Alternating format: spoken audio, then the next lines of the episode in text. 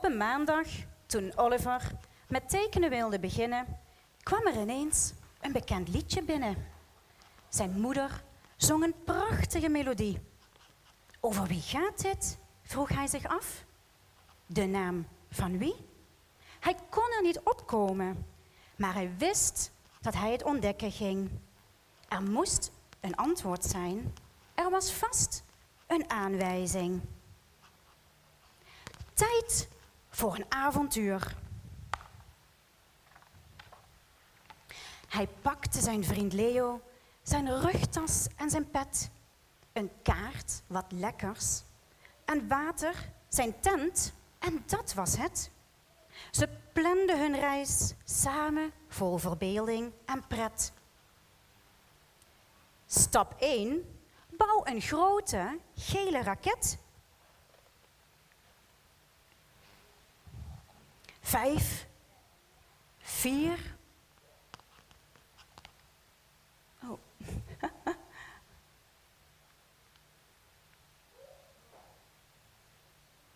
Daar is hij.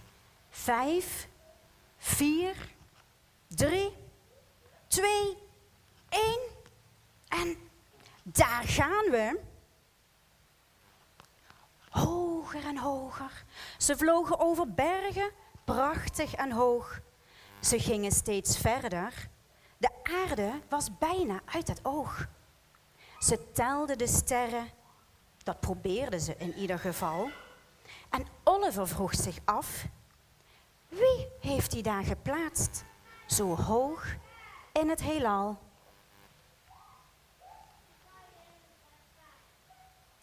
En daar, zo hoog in de lucht, zwevend en vrij, zag hij zoveel moois en zijn hartje werd blij.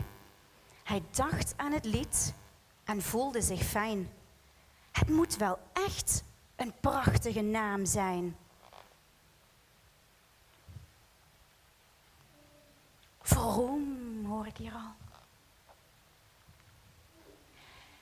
Ze zetten hun tent op, bestudeerden de kaart goed, vertelden grappige verhaaltjes en stopten eten in hun toet. Ze dansten en ze zongen tot diep in de nacht, nieuwsgierig naar wat de nieuwe morgen bracht. Dankbaar voor vriendschap en op reis met z'n twee gingen ze verder met hun zoektocht, maar nu op zee. De naam die ze zochten voelde niet meer ver weg. En Oliver wilde het zo graag weten, zeg.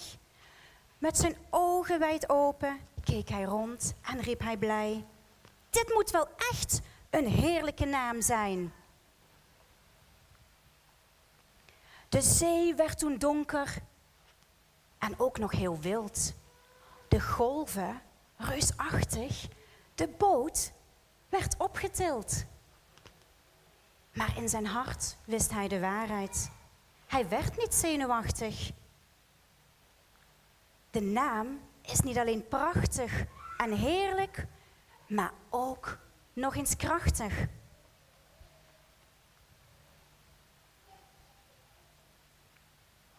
Na het varen op zee kwamen ze aan in een ver land, waar wilde planten groeien en de dieren brullen en stoeien.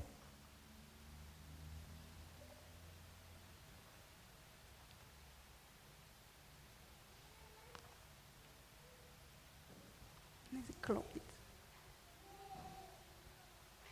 In de schaduw van een palmboom gingen ze even liggen hoor. Alle aanwijzingen die ze waren tegengekomen, namen ze nog eens door. En terwijl ze daar zo lagen, heel rustig in het gras, dacht Oliver aan thuis, waar hun zoektocht begonnen was. Toen dacht Oliver ineens aan de kerk en dikke boeken. Hij sprong op en riep blij: Ik weet waar we moeten zoeken. Op een zondag Op een zondag zongen we een keer een lied.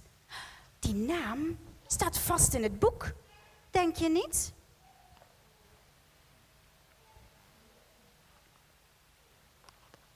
Vanuit de jungle en over de zeeën reisden Leo en Oliver met z'n tweeën. Over de bergen tot ze Olivers huis zagen. Ze renden naar waar de boeken lagen.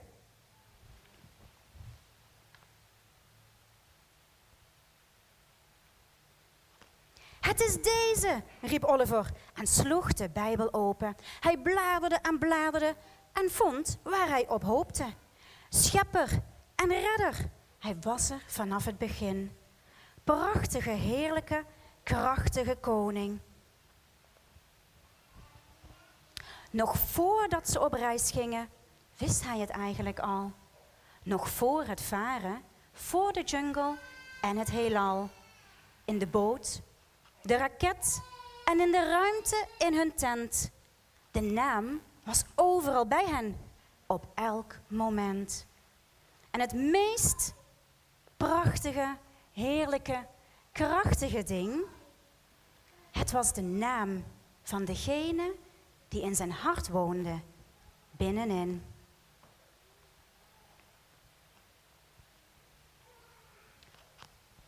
Hun avontuur had even pauze, want avonturen duren soms weken. Oliver liep moe naar bed en kroop gapend onder de deken. Hij was onderweg naar Dromenland en hoorde toen het lied weer over de naam die hij al die tijd al kende. De naam van de Heer Jezus.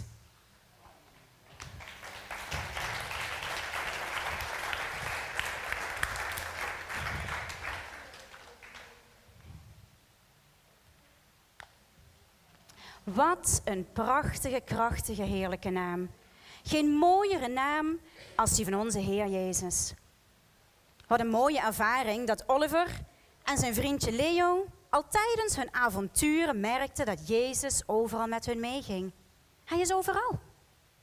Deze prachtige, krachtige naam is gewoon bij ons. Naast ons en om ons heen. Ik wil wat verder kijken naar meerdere namen. En niet zozeer de namen van God, daar hebben we al wat van gehoord en komen we straks nog op terug. Maar meer naar de betekenis van een naam of van jouw naam. Weet je wat zo bijzonder is? Als we dieper gaan kijken naar namen. Namen geven is paradijswerk. God hoefde in het begin maar te spreken en het stond er. Door namen te noemen werd de leegte gevuld, het noemen van het licht en het land en de lucht. En de eerste taak van de eerste mens is namen geven. Hij bracht ze bij de mens om te zien welke namen de mensen zou geven, zoals hij elk levend wezen zou noemen. Zo zou het heten. Lezen we in Genesis 2, vers 19. Adam maakt de schepping af samen met zijn schepper. Door de schepsel een naam te geven. En hij verlost het land uit chaos. Niet tot God chaos heeft gecreëerd. Maar stel je eens voor al die krioelende, ondefinieerbare massa en het krijgt een naam. Een naam geven om een identiteit te vinden. Onze identiteit, Gods identiteit. Pas wanneer iets of iemand een naam heeft, voegt er zich een betekenis aan toe. En in de Bijbel geeft een naam de ware betekenis van iets of iemand weer. Of beter nog, zijn diepste wezen als geschenk van God. Iets een naam geven maakt de betekenis en de waarde die God het gaf zichtbaar.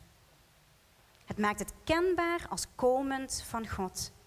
En het laat zijn plaats en functie in heel deze schepping, het universum, zien. Een naam geven is eigenlijk als het ware een geheim onthullen.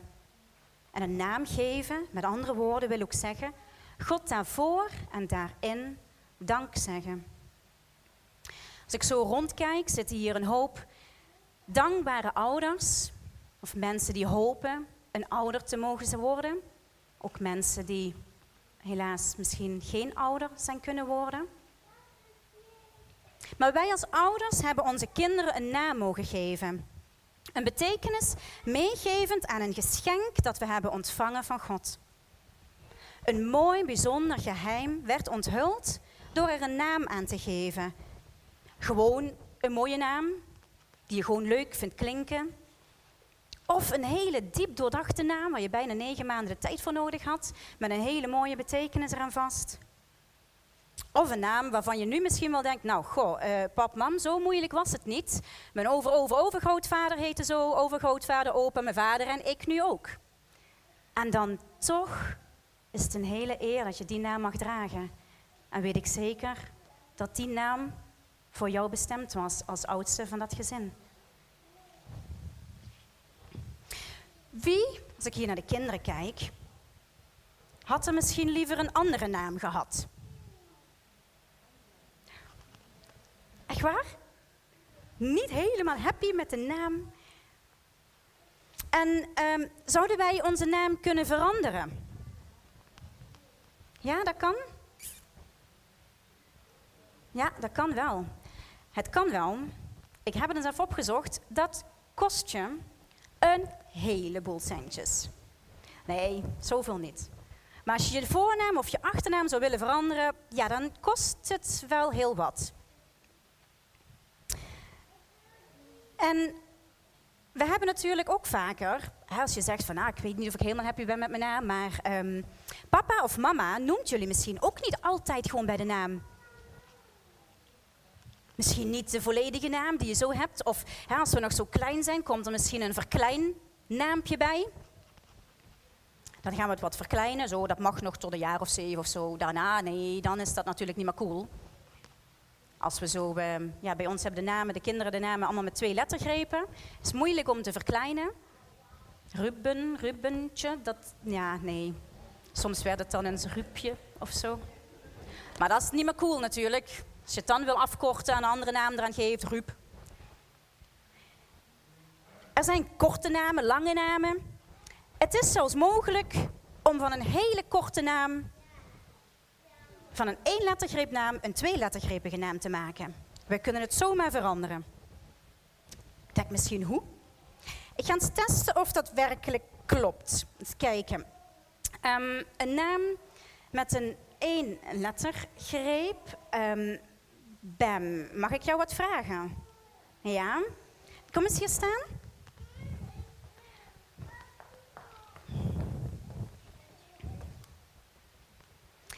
Jongens, dit is BEM. B-E-M. Korter kan haast niet. Nou, volgens mij is er ook nog wel eens een BO, dat je B-O. V, twee letters, inderdaad. Ben, weet jij wat jouw naam betekent? Vrede, dacht ik. Ja, ja, jouw naam betekent vrede. Weet jij uit welk land jouw naam komt? Ja, ja, inderdaad. Jouw naam komt uit Afrika. Een Afrikaanse naam betekent vrede. Hey, nou stel je eens voor, um, het is zo'n lekkere dag als vandaag. Laatste vakantiedag, je wil lekker buiten spelen. En, uh, maar mama had wel gezegd, um, we moeten straks even boodschappen doen en dan had ik graag dat je meeging. Niet cool, hè? Nee, niet leuk. Nee, dat dacht ik al. En bij BEM hebben ze een hele grote type tuin met schapen en een paard. Ik dacht nog, Stefan, het lam. Geen paard. Ja. Nee, geen paard meer? Nee. Nee? Oké.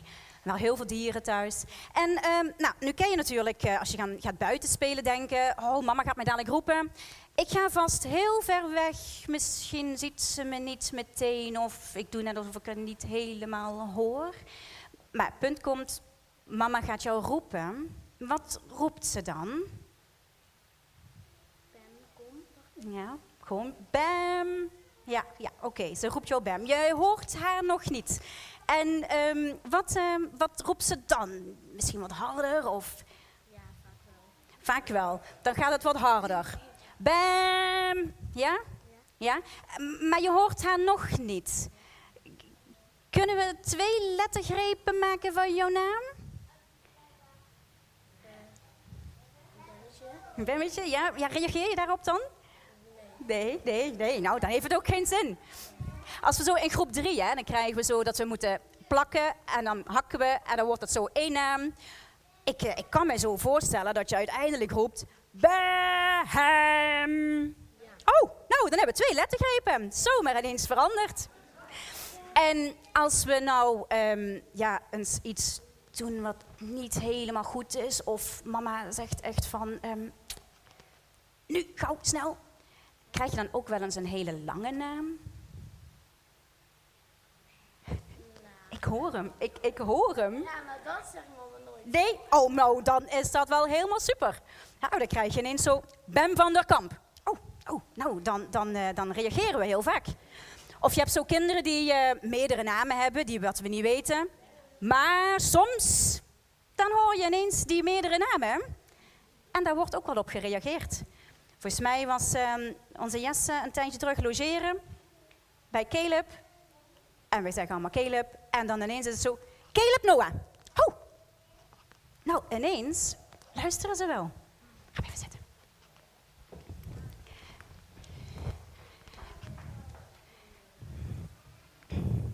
Zo zie je dat wanneer je kracht erbij zet en je volledige naam gebruikt wordt, dat je wel genoodzaakt bent om te luisteren. Het is ook mooi om te zien dat jouw naam een positie of een functie aangeeft. Wanneer we ouders worden, dan eh, krijgen we er een naam bij, of het verandert een beetje. We heten ineens ook papa en mama. Ja, of eh, je eigen man zegt, ja, vraag maar aan papa. Dan word je niet meer bij de eigen naam genoemd. Zo geldt dat ook voor ooms en tantes. Krijg je een andere positie bij, of je dat nou leuk vindt of niet. Maar dat hangt dan ook samen met een gebeurtenis. Er is een nieuwe situatie ontstaan. Kan ook zelfs als je dus gaat trouwen. Een nieuwe situatie, een gebeurtenis. En je kunt de naam van je partner aannemen en jouw naam verandert. Namen hebben in de Bijbel een belangrijke betekenis. Uiteraard geldt dit voor de namen van God. Daar komen we straks nog op terug.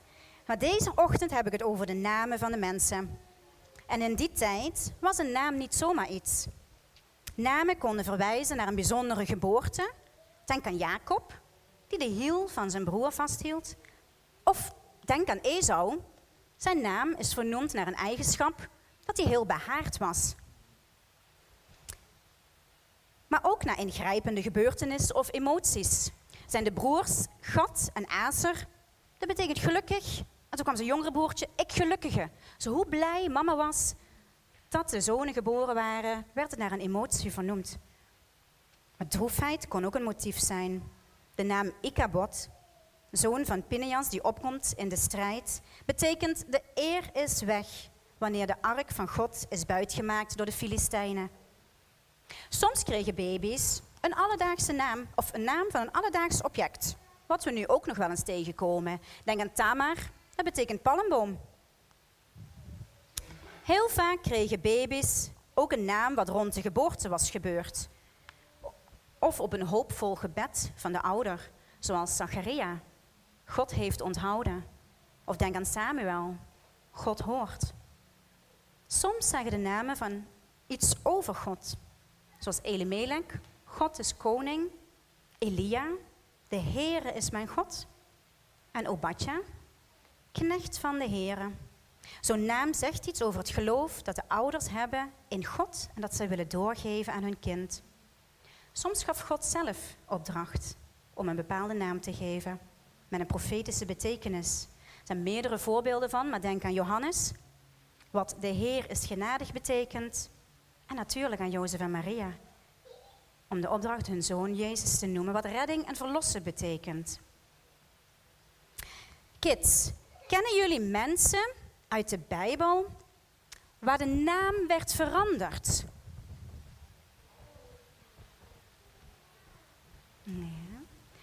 Weet hier iemand? Milan? Paulus, dat klopt. Saulus en Paulus. Weet er nog iemand? Sarah zegt ja. Sarah was eerst Sarai.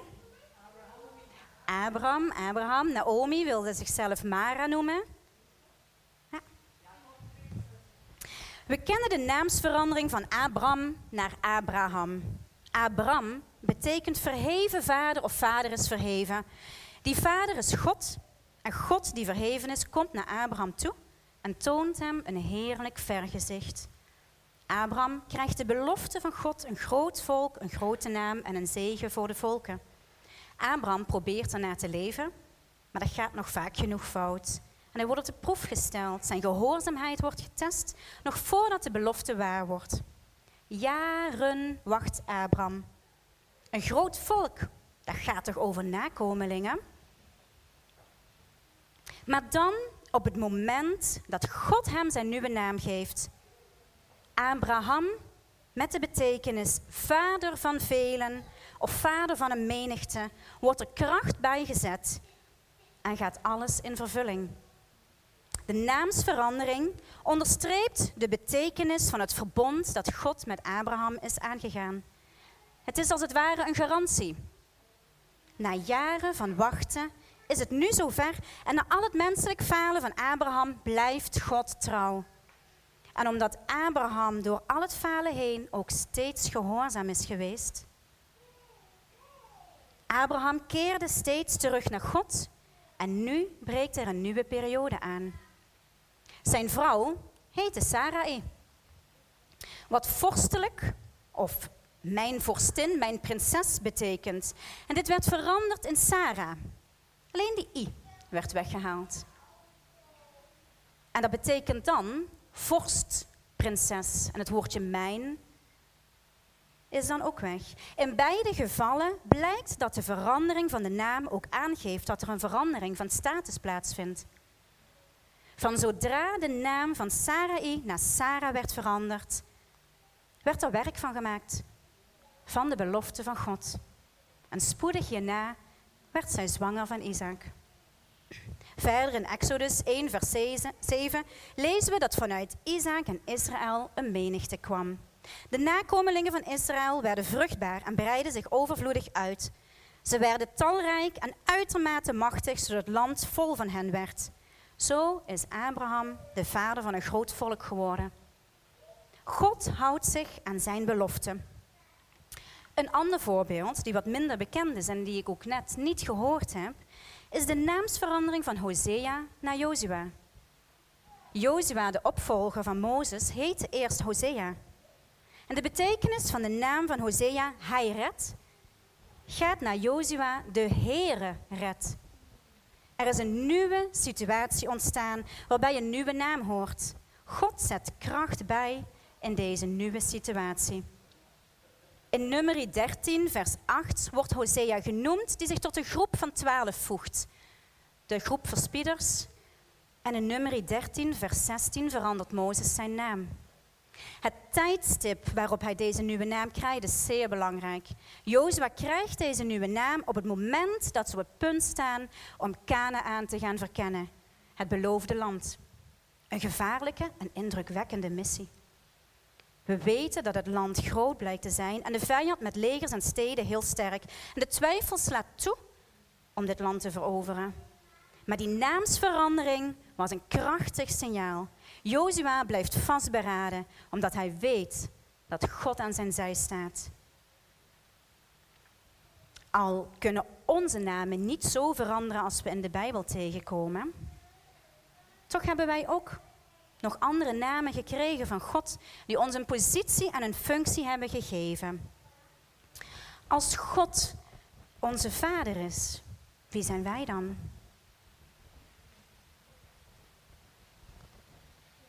Zijn kind, zijn kinderen. Als God onze koning is, wie zijn wij dan? Zijn prinsen en prinsessen. En dan mogen we ook in die identiteit gaan staan. Het maakt niet uit als je misschien andere namen hebt gehoord van mensen die je niet zo aanstaan. Of namen die je jezelf hebt gegeven die niet correct zijn. Alleen degene die jouw leven gaf, heeft de autoriteit om jou bij jouw juiste naam te noemen. De God van het heelal. Hij houdt de zon vast op de juiste plaats. Hij zorgt ervoor dat de aarde juist draait, juiste snelheid, zodat er op de juiste plek leven is.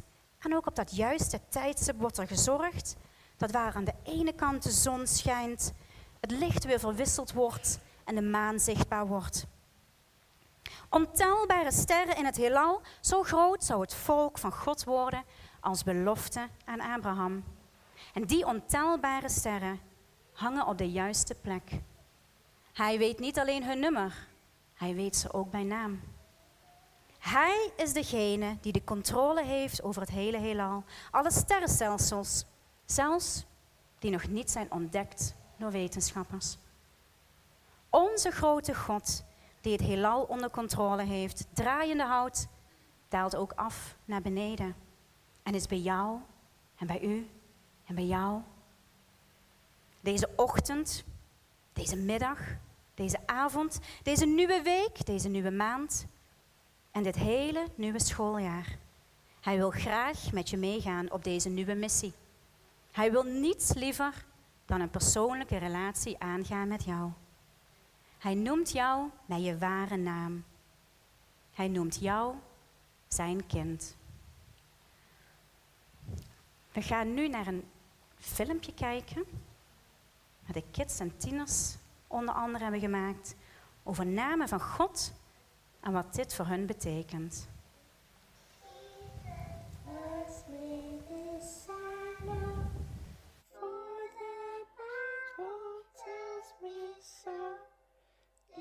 Little ones to him belong. They are weak, but he is strong.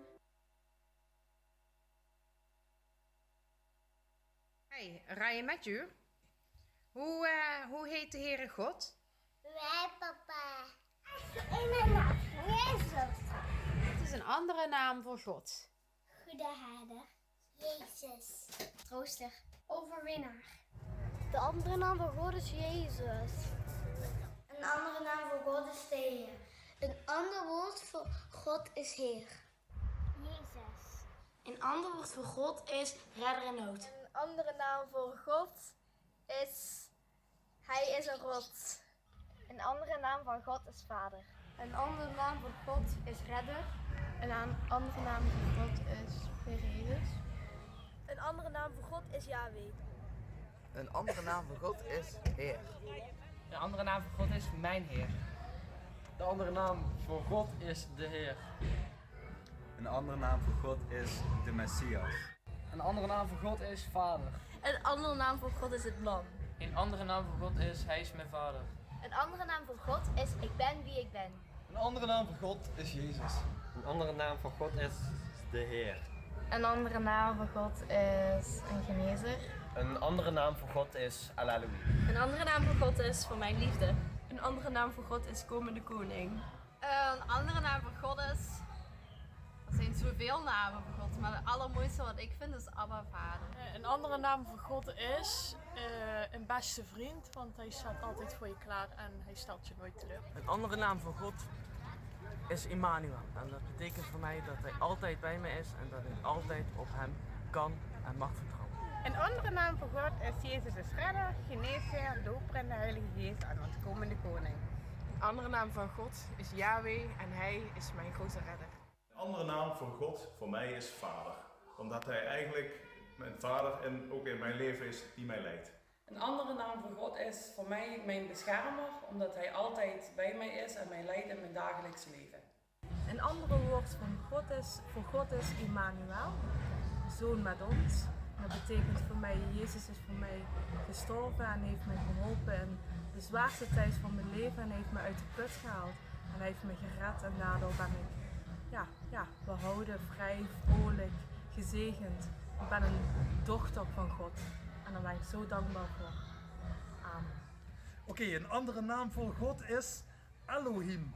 En Elohim betekent mijn God. En dat is precies wat het betekent. Het is mijn God, mijn Heer, de Almachtige, Jezus, de Schepper, de eh, Heer, de, de Schepper van hemel en aarde. Elohim, mijn God, mijn Heer. Een andere naam voor God is eh, voor mij Eli. Eh, Eli betekent mijn Heer is mijn God. Eh, daar is mijn bedrijfsnaam is daar eh, van afgeleid, zodat ik God ook daarin mag meenemen. En eh, ja, de eerste letters van eh, de namen van mijn kinderen, die zijn ook Eli. Een andere naam voor God is voor mij Yahweh. En dat betekent de Allerhoogste. En voor mij is er niks hogers dan God, eh, de Allerhoogste die wij eren. Een andere naam voor God is voor mij leider. Hij is mijn leider en door hem weet ik waar ik, eh, waar ik naartoe moet. Een andere naam voor God is voor mij denk ik wel wat het dichtstbij komt is een almachtige vader. En waarom? Vader omdat het toch zo heel erg persoonlijk is en heel dichtbij staat. Maar ook almachtig omdat het ook wel echt een gigantisch iets is. Iets wat je gewoon niet kan bevatten. Een andere naam van God is mijn voorziener. Waarom? Hij voorziet voor mij in alles wat ik nodig heb. Een andere naam voor God, ja, dat betekent voor mij uh, dat ik weet dat ik een vader heb, een hemelse vader die echt ontzettend veel van me houdt. En ik voel me een geredde zoon door hem, een gered kind. Uh. Een andere naam voor God is, ja, hij is schepper van hemel en aarde. Hij is tot ons gekomen in Jezus Christus, uh, die onze redder en zaligmaker is. En die ons bevrijdt van alle uh, kwaadaardigheden die er in ons waren en naar ons een nieuwe schepping gegeven hebt. We zijn een nieuwe schepping in Hem. En daarom hebben wij die vrijheid in Hem. Fantastisch vind ik het. En daar geniet ik elke dag van. Een andere naam voor God is, Hij is er altijd bij mij en Hij is mijn liefdevolle Vader en ik kan altijd bij Hem terecht. Een andere naam voor God is de Almachtige.